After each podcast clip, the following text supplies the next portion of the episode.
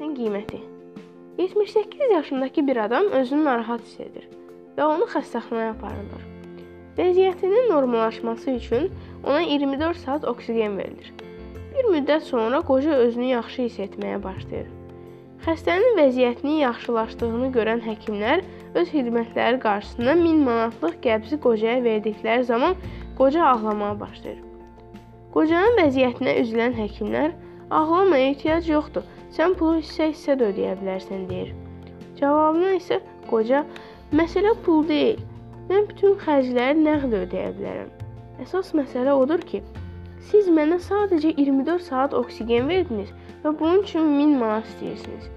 Mənə 78 ildir oksigen verən yaradana borcumu necə ödəyəcəyimi bilmirəm, deyir. Nemətlərin vaxtında qiymətini bilmək insan üçün ən böyük nemətdir.